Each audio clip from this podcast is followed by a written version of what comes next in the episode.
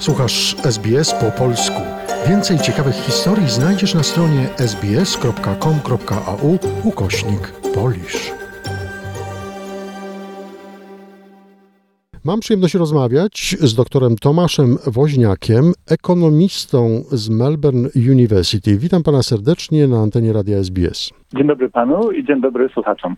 A tematem naszego spotkania będzie oczywiście budżet federalny rządu australijskiego.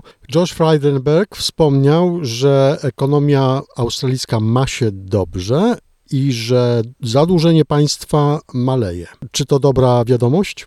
To jest prawda, to co powiedział. To jest bardzo dobra wiadomość i to również kształtuje kontekst, e, w którym należy oceniać ten właśnie budżet.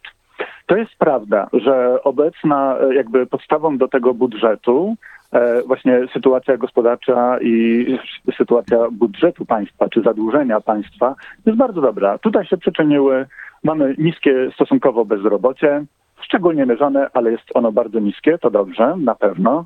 E, dług publiczny jest nadal w ryzach, no i aktywność ekonomiczna w Australii e, wraca powoli, powoli do normalności, również ze względu na sukces programu szczepień i, i, i ten fakt, że 96% w Australii osób, które mają dostęp do szczepionek się zaszczepiło i w takim razie możemy mieć e, dosyć szerokie otwarcie gospodarki. To jest bardzo dobra sytuacja. No i właśnie w tym kontekście wielu, wiele osób się zastanawia, czy zadaje pytania, czy tego typu programy, jakie rząd w tej chwili proponuje, które są tak naprawdę dosyć rozrzutne, tak jak na przykład to, co wymieniłem, e, ta obniżka podatków na paliwa, e, a które nie mają tak naprawdę żadnego systematycznego efektu. Czy tego typu budżet z takim e, jednak dużymi zakrojonymi wydatkami Innymi słowy, czy stać nas teraz na rozrzutność?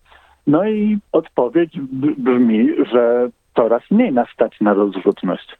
Wiemy, z podstawowym jakby aspektem wynikających z badań naukowych w ekonomii jest to, że wydatki budżetowe są bardzo skuteczne w momencie, gdy jest kryzys ekonomiczny i powinno być tych wydatków jak najwięcej. Natomiast w dobrych czasach a powoli zaczynamy mieć dobre czasy w Australii, rząd musi się zachowywać jako długoterminowy inwestor, bo tylko tego typu wydatki mają korzyści, które uzasadniają wydatki. Czyli musimy w dobrych czasach wydawać pieniądze na programy, które sprawią, że rozwój Australii, rozwój, rozwój gospodarki będzie jeszcze lepiej się miał e, w przyszłości. No i tutaj musimy pomyśleć, co to jest jakiego typu wydatki. Jest to edukacja od najmłodszych lat aż po uniwersytet, tania, dostępna dla wszystkich i wysokiej jakości. To jest możliwy cel e, w Australii.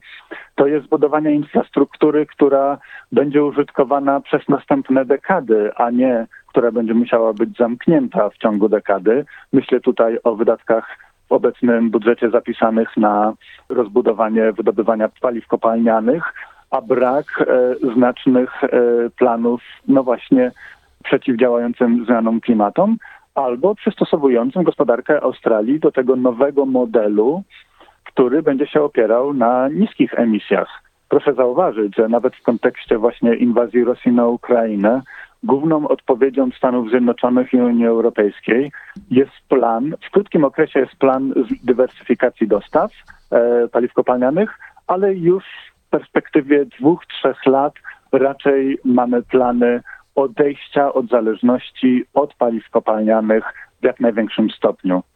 Zarówno prezydent Biden, jak i przewodnicząca czy prezydent Komisji Europejskiej e, von der Leyen jasno wskazują, że to taki jest cel obecnych programów w Stanach Zjednoczonych i w Unii Europejskiej.